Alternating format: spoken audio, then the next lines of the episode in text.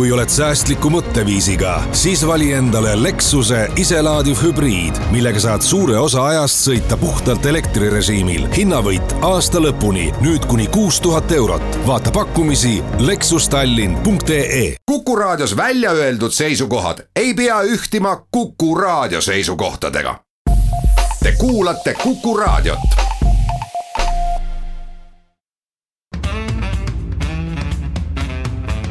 Muuli ja Riikoja.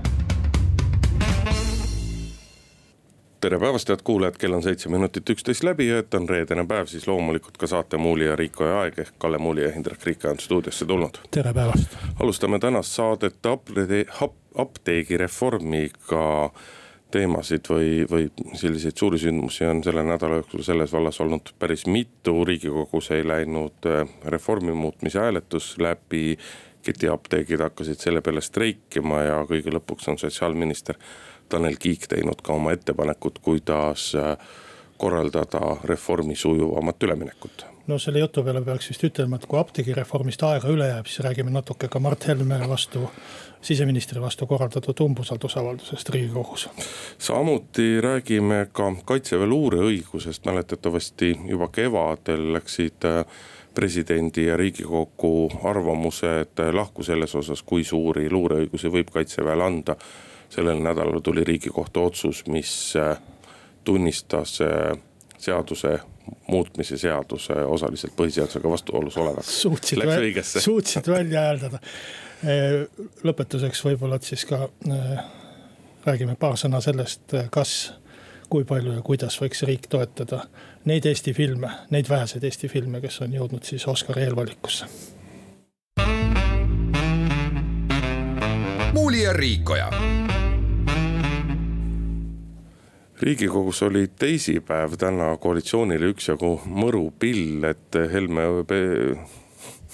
nüüd tuli Peeter Helme tahtis suust välja tulla, aga Mart Helme umbusaldamine kukkus läbi Äh, kukkus läbi, aga ütleme koalitsiooni jaoks mitte kõige soodsama tulemusega. aga veel ennem seda ei kiitnud riigikogu heaks apteegireformi muutnud seaduseelnõu esimest lugemist ja otsustas ta menetlusest välja hääletada, kui nüüd see korrektselt kõik kõlas põhimõtteliselt küll jah, et äh, esimese lugemisega on nii, et kui ei hääletata, siis äh, on läbinud esimese lugemise ja kui keegi teeb ettepaneku tagasi lükata, siis ja hääletatakse, siis nii on.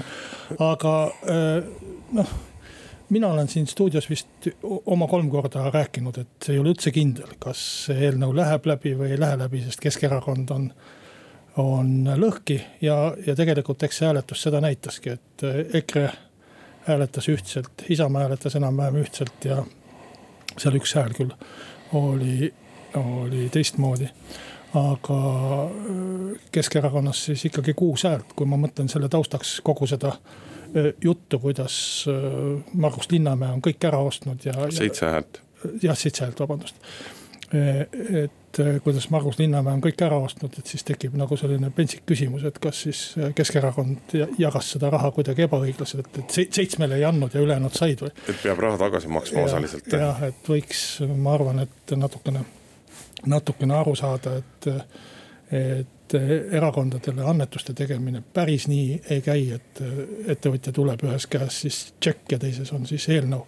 no ma ei ole muidugi alati sinuga päris nõus sellisel, sellisel väitel, sest et tihtipeale kipub see ikkagi nii olema, et kui sa teed annetuse, siis asjad liiguvad sulle soodsas suunas ja selle kursil ju ilmselgelt oli, et küll teadmata autorlusega, aga eelnõu sai kokku kirjutatud ja eelnõu ikkagi väga selgelt nii-öelda ketiapteekide jutupunkte esindas, et see, et ta riigikogust, riigikogust läbi ei läinud. see on selles mõttes on nagu hea märk, et ikka aeg-ajalt ja jälle räägitakse selle üle, et kuivõrd kummitempel riigikogu on ja kuivõrd kummitempel ta ei ole ja, aga noh, ega see koalitsioon ju selles mõttes põhjustas pisut paksu verd küll, et, et nii mõnigi koalitsioonipartner oli üksjagu pahane Keskerakonna peale, et, et see läks just nimelt Keskerakonnast tulnud seitsme hääletatuse asi läbi kukkus. seda enam, et Tõnis Mölder, kes seda asja juhtis või seda töörühma juhtis, kes seda eelnõud ette valmistas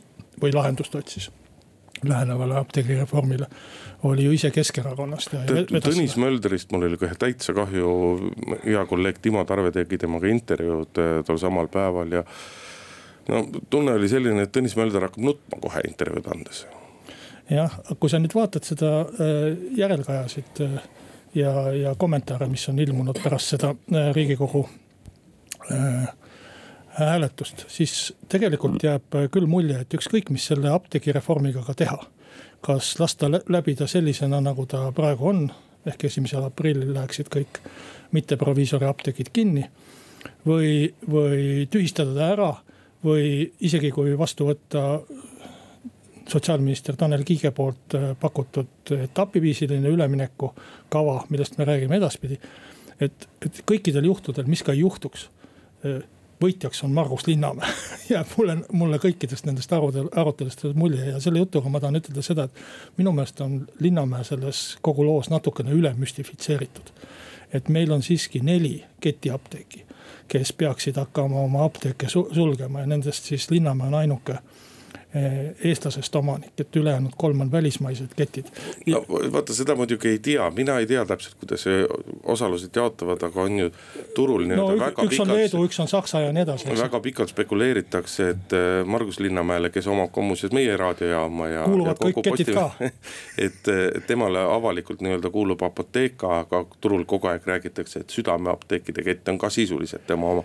Margus Linnamäe ise on seda eitanud, kus see tõde peidus on, mina ei tea päris täpselt. aga ma tahtsin ütelda seda, et, et kui me jõuame apteegikettide sulgemise juurde, siis tegelikult ju sulgesid uksed neli ketti ja, ja kolm välismaist ketti. ja minu meelest kui, kui rääkida, et kes kõige rohkem kannataks või kes kõige rohkem võidaks või kaotaks. et siis tegelikult kohalik ettevõtja ikka leiab mingeid lahendusi. on need jokid või mis iganes. aga, aga kindlasti välismaa kettidel on, on see Äh, muudatus, mis esimeseks aprilliks on planeeritud, palju raskemini üle elatav ja, ja selles mõttes äh, tähelepanu koondamine ain-, ainsale eestlasest äh, ketiomanikule mu meelest noh. kindlasti ta on huvitatud ja väga huvitatud, aga tema ei ole ainus, kes on huvitatud ja sellepärast võiks see tähelepanu natuke laiem olla. nüüd me jõudsime otsaga juba ka sellele ketiapteekide aktsioonile, mis siis sellel nädalal aset leidis, kus vähem kui tunniajase etteteatamisega teatasid noh, sisuliselt pooled Eesti apteegid, et nad panevad päeval kella kahest kuni järgmise hommikuni oma, oma uksed kinni ja noh siin-seal on püütud öelda, et nii-öelda vastukaja sellele aktsioonile oli sihuke nii-öelda kahepoolne, et oli neid, kes mõistsid ja oli neid, kes hukka mõistsid, aga eks see valdav oli ikkagi vaieldamatult hukkamõist ja. ja, ja, ja selle sammuga nagu ketiapteegid äh, näitasid ikkagi seda, et äh, kuigi nad on üritanud läbi oma esindusorganisatsiooni ehk läbi Apteekide Liidu kogu aeg väita, et, et et nende jaoks ikkagi esmatähtis on inimeste huvid, tarbijate huvid, ravimite kättesaadavus ja kõik muu. et selle sammuga nad näitasid seda, et, et see neid tegelikult ei huvita, et ainus asi, mis neid nii-öelda kannustab, on nende väga selge nii-öelda nagu isiklik ärihuvi. ja sellel teel ei ole nemad nagu valmis millekski taganema ja siin on, see on see see on see palju räägitud jutt sellest, et, et apteegid ei ole nii-öelda, ta ei ole tavapärane suvaline eluvaldkond, vaid ta on nii-öelda osa meie ravisüsteemist. et me ei kujuta ju keegi ette seda, et Eesti Energia, kui talle ei lubata kehtestada sobivaid hindu, näiteks teataks tund aega ette, et vot nüüd me kella kahest kuni järgmise päeva hommikuni me lõpetame elektriga varustamise. et see, see, see oleks absurd, see kõlaks absurdselt ja me ei kujuta nagu seda mitte kuidagi ette. et kuidas on võimalik, et tervishoiusüsteemi üks nii oluline lüli teatab. ja, ja kui selliste asjade peale välja minnakse, siis see, see näitab nagu väga selgelt seda, et, et rahva tervis ei huvita kedagi, huvitab inimesi või neid omanikke huvitab ainult väga selgelt nende enda tulu nad suutsid, äh, nad suutsid väga hästi lobistada, nad suutsid tagada selle, et äh, see eelnõu, mis läbi kukutati, oli ikkagi kirjutatud valdavalt nende näpunäidete järgi, nende soovide järgi. ja nüüd neid tabas järsku tagasilöök ja siis said neist järsku jonnivad lapsed. no siin peab tõe ja õiguse äh, huvides ütlema, et, et seadus teeb vahet elutähtsal teenusel ja, ja ülejäänutel et elektrikatkestus kindlasti oleks elutähtis, aga apteegiteenus, ravimite müük miskipärast ei ole arvatud. ja väga õigesti sa ütled, miskipärast ei ole arvatud, et see on suhteliselt nagu arusaamatu. on kiirabiteenus ehk vältimatu erakorraline meditsiiniabi arvatud elutähtsate teenistusele. nii et selles mõttes nad äh, seadust ei rikkunud. aga küll võib kahelda, et kas konkurentsiseaduse järgi kõik oli õige, et konkurentsiseadus ütleb äh, teatud, teatud piirangute seadmise suhtes, et, et see ei ole, aga see on ka selline poole peal, aga ma ei lähtuks sellest isegi sellest õiguslikust aspektist ja isegi ravimite kättesaadavuse aspektist, sest katkestus on lühike. aga ka poliitiliselt oli see hästi rumal nendel poliitikutel, kes tahaksid nüüd tingimusi leevendada või seda reformi ära jätta on seda palju raskem teha kui siiamaani, sellepärast et kohe saaks ütelda, et te tegutsete surve all, te annate järele väljapressimistele. ja ükski poliitik ei taha sellises väljapressimise õhustikus äh, kuidagi äh, tegutseda nende ketiapteekide huvides. ehk kui apteekide liit seni on päris nagu osavasti lobistanud, siis praegu olid neil küll kas väga kehvad nõuandjad, kes neile sellist nõu andsid või siis väga kehv esindusorganisatsiooni juhtimine. emotsioonid lihtsalt ütleks ma. aga teeme väikese pausi, paar minutit reklaami ja läheme siis apteekide teemaga edasi. muuli ja Riikoja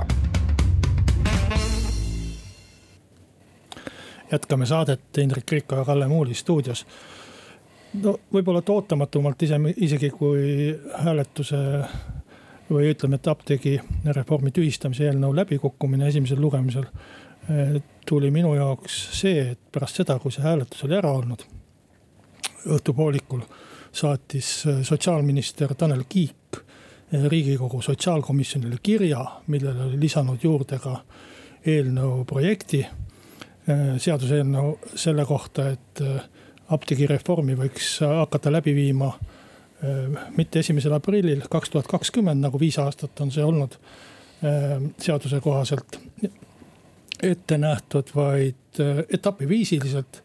nii, et tegelikult esimesel aprillil kaks tuhat kakskümmend ei läheks peaaegu mingi, peaaegu üldse apteegid kinni, ainult, ainult mitte nõuet, nõuetele mitte vastavad haruapteegid siis viies suuremas linnas pandaks kinni.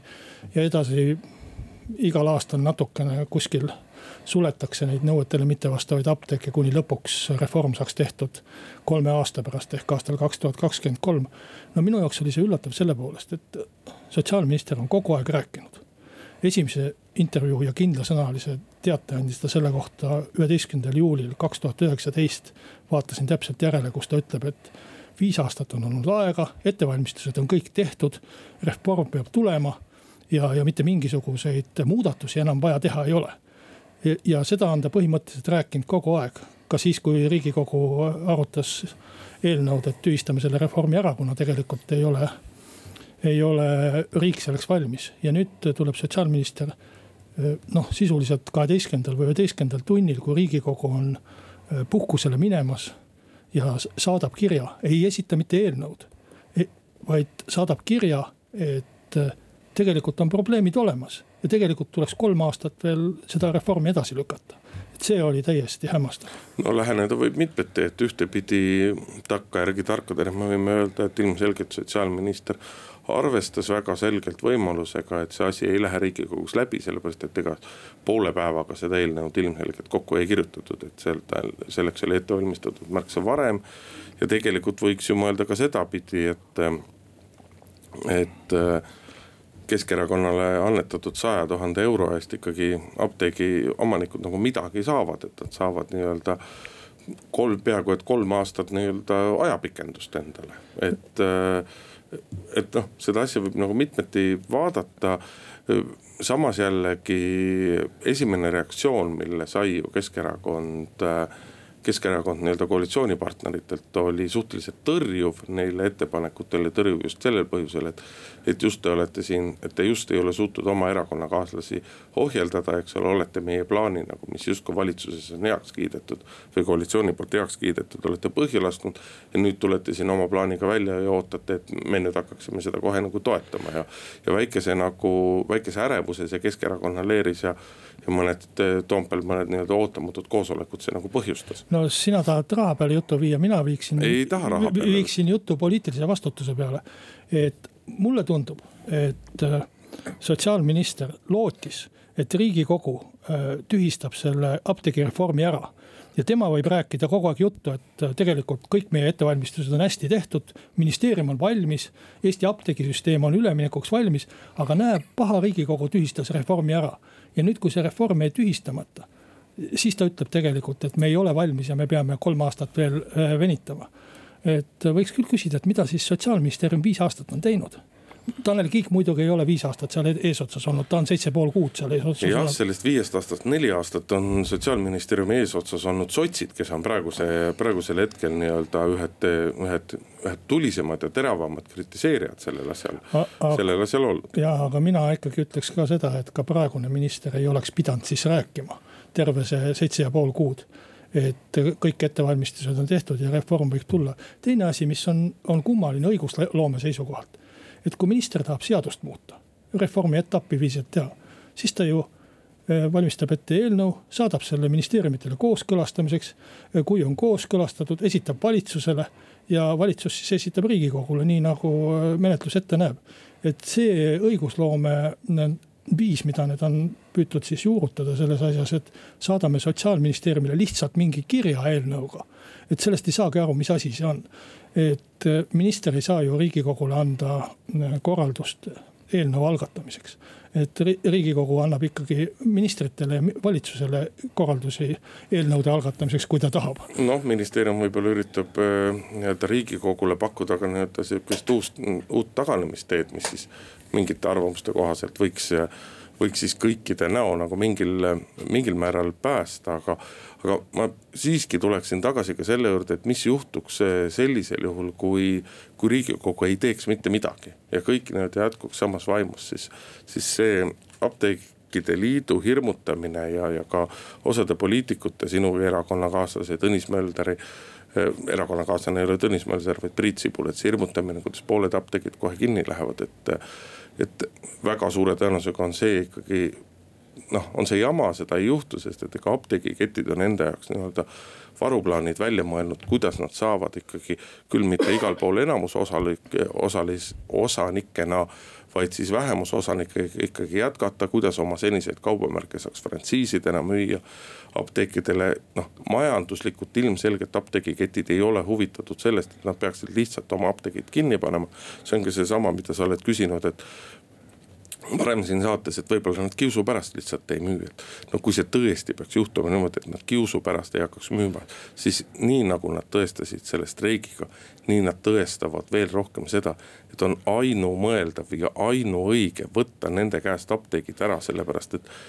sellest kujuneb lihtsalt liigne julgeolekurisk, kui nad on valmis nii kõvasti jonnima ja selle taustal nii-öelda tekitama olukorda, kus äh, noh, ma ei tea, võib-olla pool aastat, võib-olla pool aastat on meil üle Eesti tunduvalt vähem apteeke, et lõviosa nendest apteekidest varem või hiljem tekib proviisorite omanduses igal juhul uuesti. küsimus on, kui kaua see aega võtab, et päris esimesest aprillist see suure tõenäosusega ei juhtu. aga ega väga palju ei ole põhjust ka nii-öelda nagu venitada, sest et proviisorid on siiamaani näidanud üles apteegikettidele huvi ostmise vastu, aga, aga apteegikettidel on puudunud igasugune huvi müüa siiamaani. no ega sa jõuga ei saa äh, ära käest äh, inimestel vara võtta. ei, ei, ei saagi. ja, ja see äh, olukord, et nüüd esimesel aprillil lähevad kõik kinni, juhtub ainult siis tõesti, kui seda teha kiusu pärast, sest ega isegi kui apteek ei vasta nõuetele, siis äh, riik ei pruugi seda jõuga minna äh, ka sulgema nii et noh, see on, see on selline äh, riski küsimus, mis siis esimesel aprillil saab, kui riigikogu mitte midagi ei tee, aga ma arvan, et midagi siiski püütakse teha, et nii palju vastutustunnet on. aga teeme siin väikese pausi, pooltunni uudised ja siis tuleme saate juurde tagasi. muuli ja Riikoja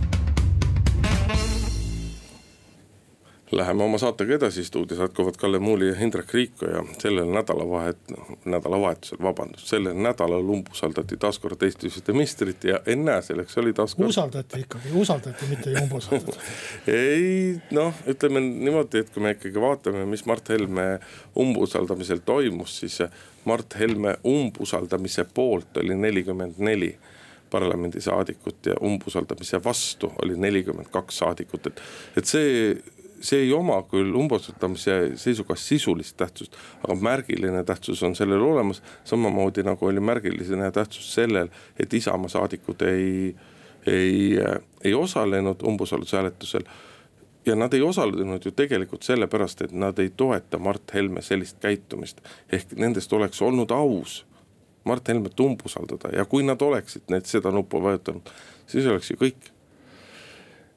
Seda tulemust nelikümmend neli, nelikümmend kaks äh, vaadates äh, mulle meenus, et üheksakümnendatel tehti ka sellist asja paar korda, mitte väga palju. ja ma ei suuda meenutada ühtegi ministrit nimepidi, kelle vastu seda tehti, aga katsetati et valitsuskoalitsioon. ei hääletanud. ei hääletanud, et kuna viiskümmend üks häält oli vaja ministri umbusaldamiseks, siis võis rahulikult ka saalist minema minna umbusaldushääletuse ajaks. Aga see praktika lõpetati üsna kiiresti ära just sel põhjusel, et siis tundus nagu, et ministri poolt ei olegi kedagi, et ongi, ongi nelikümmend on vastu ja null on poolt. ja, ja ministril oli pärast paha olla, et siis, siis hakati ikkagi hääletama ja viiskümmend.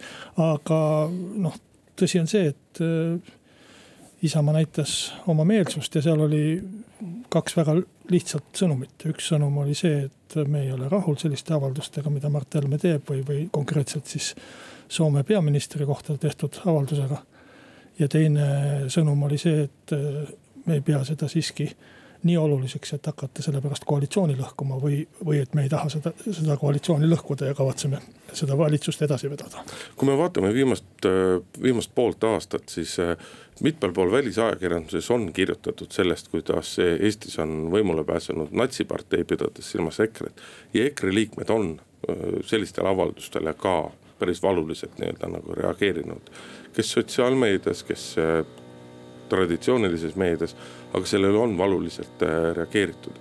ja nüüd, kui Mart Helme rääkigu, mida ta iganes tahab pärast kõik soovijad saavad lugeda neid tsitaate, mida ta ütles pühapäeval ühes raadiosaates, nad saavad seda järgi kuulata. see oli, see oli ilmselgelt täiesti pahatahtlik, see oli alavääristav, mida, mida Mart Helme ütles ja noh üks asi on see nii-öelda punase maailmavaate küsimus, aga, aga teine ikkagi veelgi olulisem probleem siiski Mart Helme jaoks on, et vanakooli mehena lihtsalt on tal väga keeruline leppida olukorraga, kus üle lahe kaheksakümmend kilomeetrit valitseb valitsus, mille kõigi valitsuserakondade juhid on naised ja peaminister on naine. et kui asi oleks nii väga sisulises, sisulises küsimuses, siis tekib küsimus, et mispärast ei öelnud Mart Helme mitte midagi sellist Soome eelmise valitsuse ajal kus on vahetunud ju ainult sisuliselt ainult peaminister ja mõned üksikud ministrikohad on ümber mängitud. aga valitsuse poliitikas, valitsuse maailmavaates, tema valitsuse ko koosseisus, erakondlikus mõttes ei ole mingeid muutuseid toimunud, et see Mart Helmet ärritas see, et äh, soomlased saavad endale naispeaministri. no äh, võib-olla, äh, mina tema pea sisse no, mitte võib-olla, vaid kindlasti, et kui ja... palju on, kui palju on EKRE fraktsioonis naispoliitikuid, kui palju on EKRE-s üleüldse juhtivatel kohtadel naispoliitikuid et noh, sa, sa võid ohata raskelt ja käega niimoodi lõdvalt viibata, aga see kahjuks on niimoodi siin. et sinu koduerakond muidugi paistab ka sellega kahjuks silma. no ja, ja, ja mis siis, et kas. no ütleme, kahekümne esimesel sajandil võiks siiski olla erakonnad pisut avarama maailmavaatega. hakata siin mingit soolist äh, asja ajama, et et mehed on kuidagi halvemad äh, erakonna liikmed kui naised. absoluutselt mitte, ma või... lihtsalt arvan, et nad on samaväärsed ja nad võiksid seetõttu pälvida igas erakonnas. siis me läheme sellest teemast esiteks väga kaugele, teiseks on väga loll hakata inimesi ja erakonna liikmeid äh, naisteks ja meesteks liigitama äh, poliitikas, kus tegelikult räägime poliitikast. tüüpiline, Kalle, tüüpiline, eks ole, naise koht on köögis. räägime, räägime asjast, et see tegelikult ei puutu asjasse. Mart Helme. ikka puutub, sest et see küsimus on nendes see, väärtustes, mida Mart Helme väljendas. kas ma võin ka midagi ütelda? minu meelest äh, see, et sa tõid sisse natsi teema, on täiesti asjakohatu. Äh, tõesti, EKRE-t kunagi kevade poole nimetati välisajakirjanduses natsideks, aga see avaldus ei, ei ole tegelikult natsismiga seotud see avaldus oli tehtud emotsionaalselt eh, lihtsalt selle vastu, et võimule on saanud punane poliitik. Eh, võimule on saanud inimene, kes on tulnud noh, ütleme poemüüja ametist või madalast ametist ja, ja saanud peaministriks. ja, ja sellel ametil ei olnud või, või sellel avaldusel ei olnud muud sisu kui lihtsalt Mart Helme tegi ennast naeruväärseks. ma, ma ei otsiks selle tagant mingeid tohutuid selliseid Äh, konstruktsioone ei natsismist ega, ega šovinismist. tegemist on Eesti Vabariigi siseministriga, Eesti Vabariigi siseminister peab olema nii tark, nii intelligentne ja nii mõistlik inimene. et ta ei tee selliseid emotsionaalseid avaldusi. kas ma, kas ma, kas ma nagu õigustasin seda avaldust kuidagi sinu meelest? mulle kipub nagu tunduma, et sa kipud õigustama. või sulle jäi mulje, et, et ma ei tea, et Mart Helme on siseminister et mi, mille vastu sa siin protestisid. minu meelest see oli täiesti totakas avaldus, ma olen nõus oma erakonna esimehega. et kui Mart Helme tahab äh, muutuda Eesti Žirinovskiks kes äh, ainult plärtsub ja tegelikult mingisuguseid sisulisi tegusid ei tee, sest kui sa vaatad tema ministritöö saavutusi. mis pidid eelkõige migratsiooni vallas suured olema, siis need on otse, üsna, üsna olematud. üks õnnetu eelnõu, mis ei leidnud valitsuses heakskiitu ja mis tõesti oli ka üsna äh, kehvapoolne samas mina tuletaksin võib-olla, et Mart Helmele natsismist ja, ja, ja šovinismist ja naistest ja muudest asjadest meelde hoopis ühte muud asja. ta on äh, piisavalt vana inimene, et mäletada, kes oli Inna Aasamaa, see oli nõukogude ajal üks autor, kes kirjutas käitumisõpikuid. Inna Aasamaa äh, käitumisraamatud olid väga populaarsed äh, ja hoolimata sellest, et selle neljanda trüki ilmumisest on möödas juba umbes nelikümmend aastat. ma püüaks peast meenutada ja tsiteerida sealt ühte kohta ja see koht oli umbes selline, et kui viisakas seltskonnas keegi ajab endale sousti rinna peale või pükste peale. siis viisakad inimesed ei hakka selle peale karjuma ega näpuga näitama, et näed, sul on soust seal pükste peal, oi küll on naljakas. vaid nad pööravad piisa- vi,, pilgu viisakalt kõrvale ja annavad inimesele võimaluse see soust kuidagi ära koristada või mis iganes. et ma arvan, et, et Eesti peaks oma, Eesti ministrid, valitsuse liikmed peaksid oma välissuhtluses lähtuma ka sellest, et kui meil tõesti juhtub Soomes selline lugu, et peaministriks saab inimene. ma ei räägi nüüd naine või mees, vaid inimene, kes kõnetab oma kolleege sõnaga seltsimees, mida Eestis tegi noh, viimati ministrite nõukogu esimees Bruno Saul aastal tuhat üheksasada kaheksakümmend üheksa. et siis me ei hakka sellepärast oma riikidevahelisi suhteid ära rikkuma. et täpselt sama kehtib Ungari, Poola Kreeka kohta, Kreekas tulid kommunistid mõni aeg tagasi võimule, nüüd nad enam ei ole, aga. aga täpselt samuti on ajakirjandus öeldud, miks te suhtlete Ungariga. mis riik see selline on, eks ju, diktaator on võimul või, või Poola, kus kiusatakse kohtunikke taga. me ei pea karjuma, et sul on soust pükste peal. meil on vaja selle riigiga suhteid edendada ka siis, kui see soustiplekk on sealt ära pühitud ja on tulnud uus peaminister. et see, selles mõttes nagu Mart Helme käitumine oli ikka täiesti allpool igasugust arvestust. no ma ei tahaks sinuga selles mõttes nagu päris nõus olla, et, et see nii-öelda taandubki küsimuseks ju väärtustest, kui sa tood Ungari või Poola näite, siis see taandubki ju küsimusteks väärtustest ja sellest, kas me seisame nende väärtuste eest ja kaitseme kaitseme neid väärtusi, et. et, et see, kui sa ütled, et me ei peaks nagu tähelepanu juhtima sellele, kuidas Ungaris piiratakse ajakirjandusvabadust ja muid vabadusi, kuidas Poolas piiratakse nii-öelda õigusemõistmise vabadus. sa said minust valesti aru. No, sa ju nii ütlesid, aga sa oled nagu, väljendad ennast nagu Mart Helme. ma rääkisin, et äh, me ei peaks seda isikut ründama, tema isikuomadusi ründama äh, tegevusi kritiseeritakse, aga tegelikult on sõprade vahel ka nii, et tegevusi kritiseeritakse pigem nelja silma all, omavahel, mitte läbi meedia. vahel harva, kui minnakse üle piiri, siis ka läbi meedia, nii nagu antud juhul Isamaa läbi hääletuse kritiseeris EKRE-t et äh, see on sellistel äärmuslikel juhtudel ja praegust minu meelest oli selline äärmuslik juhus. aga see küsimus ongi nii-öelda küsimus äh, poliitiku sisust ja, ja noh, nagu sa ise ütled, et äh, millised on siseministri töösaavutused, et ega see noh, näitabki seda, et seda sisu kahjuks EKRE juhil on nagu vähevõitu. aga teeme pausi, paar minutit reklaami ja läheme siis järgmiste teemade juurde. muuli ja Riikoja jätkame saadet, äh, riigikohtus jõudis siis äh, lõppeval nädalal lahendini äh, presidendi esimene vaidlustatud seadus, see oli siis kaitseväele teatud varjatud jälgimise õiguste andmise seadus. kas see on esimene seadus, mille pärast president on riigikohtusse läinud? ma arvan, et on esimene, vähemalt see president. Et eelmised on ikka palju käinud, aga, aga ma arvan, et see on esimene juhus selle presidendi ajal ja, ja otsus on siis selline, et et see seadus tunnistati küll põhiseadusvastaseks, mis andis kaitseväele varjatud jälgimise õiguse ja see oli siis vajalik äh, teatud ametipostidel ja, ja kaitseväe äh, ametikohtadel olevatele inimeste jälgimiseks või siis sinna kandideerivate inimeste jälgimiseks. et andis küll presidendile selles mõttes õigus, et äh, seadus tunnistati põhiseadusvastaseks, aga riigikohus ei arvanud sugugi nagu president, et seda seadust üldse ei tohiks olla. et kaitseväel üldse ei tohiks sellist äh, õigust olla, vaid äh, ainuke, mida siis äh, riigikohus leidis, mis on põhiseadusevastane, on see, et seaduses ei olnud tagatud piisavalt see, et seda inimest, keda siis varjatult jälgitakse, ka teavitatakse pärast seda jälgimist, et teda on jälgitud, et see kohustus oli seaduses küll olemas, aga, aga tagatised või kontrollimehhanismid siis olid puudulikud. ja no nii ta läheb siis nüüd riigikogusse äh, uuesti otsustamiseks siis ilmselt ja, ja ilmselt siis tuleb sinna natuke juurde kirjutada, aga riigikohtu otsusest võib aru saada, et kaitsevägi lõpuks selle õiguse ikkagi saab.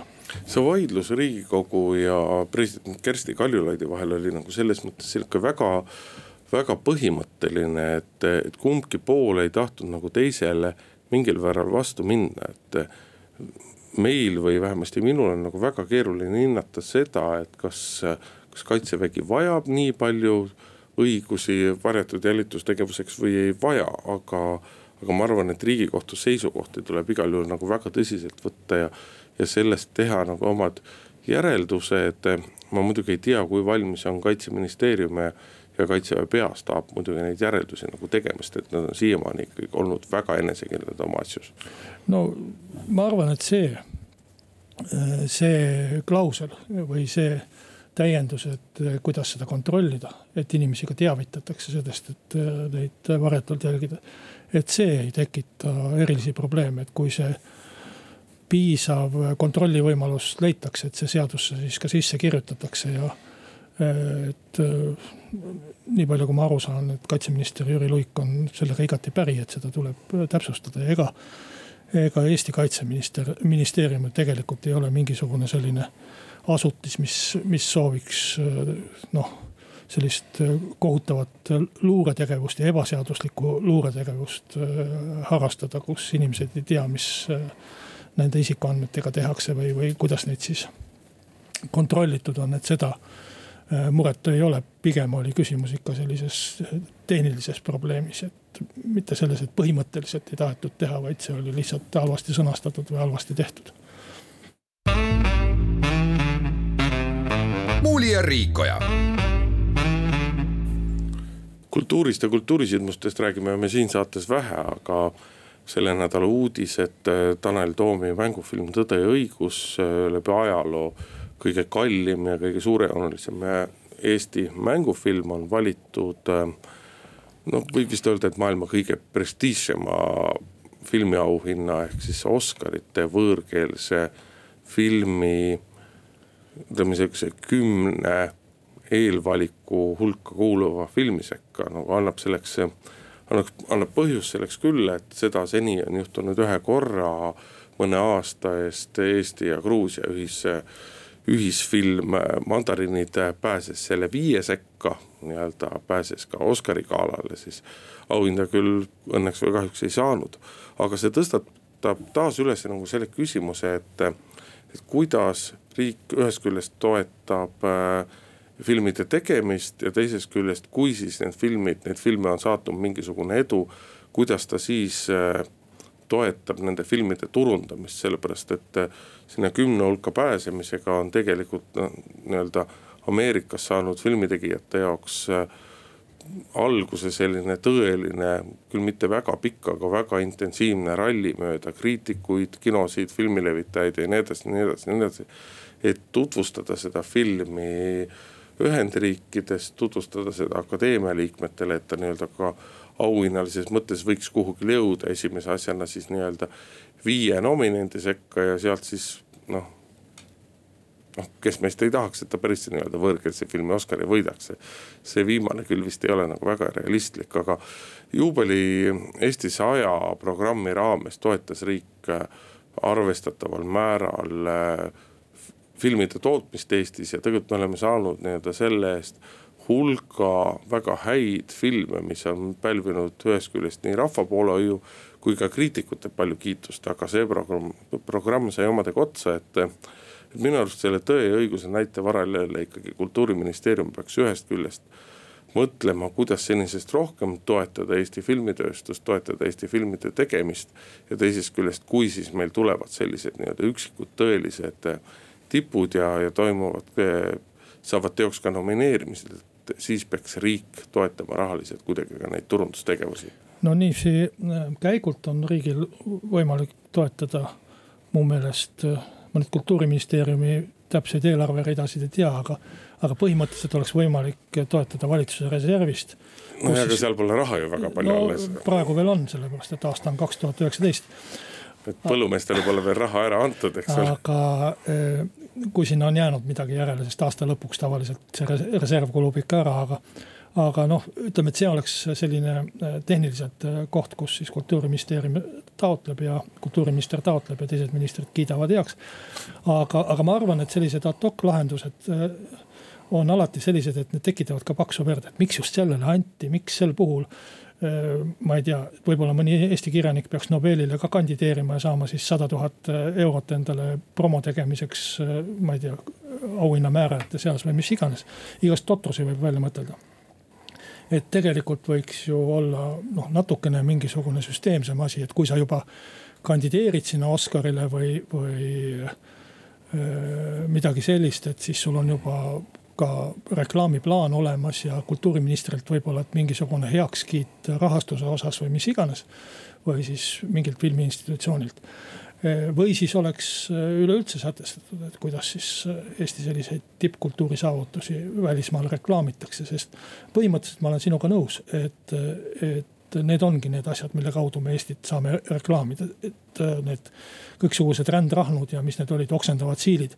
et need on äh, sellised õhusõljuvad abstraktsed asjad, mis äh, vähesed. mida on kõige selle tegevuse juures ka nagu vaja, aga praegu nagu tundub, et see vorm, mis on välja töötatud, oleks justkui kõige olulisem. aga ma arvan, et, et kõige parem on ikkagi reklaamida mingi konkreetse asja kohta, konkreetne film, konkreetne sportlane, konkreetne muusik või mis iganes asi, et noh, mingi sellise süsteemsema käsitluse võiks tekitada, sest ma arvan, et muidu läheb väga kaootiliseks ja, ja ka äh, noh, selliseks kadetsemiseks, et miks see sai ja mina ei saa.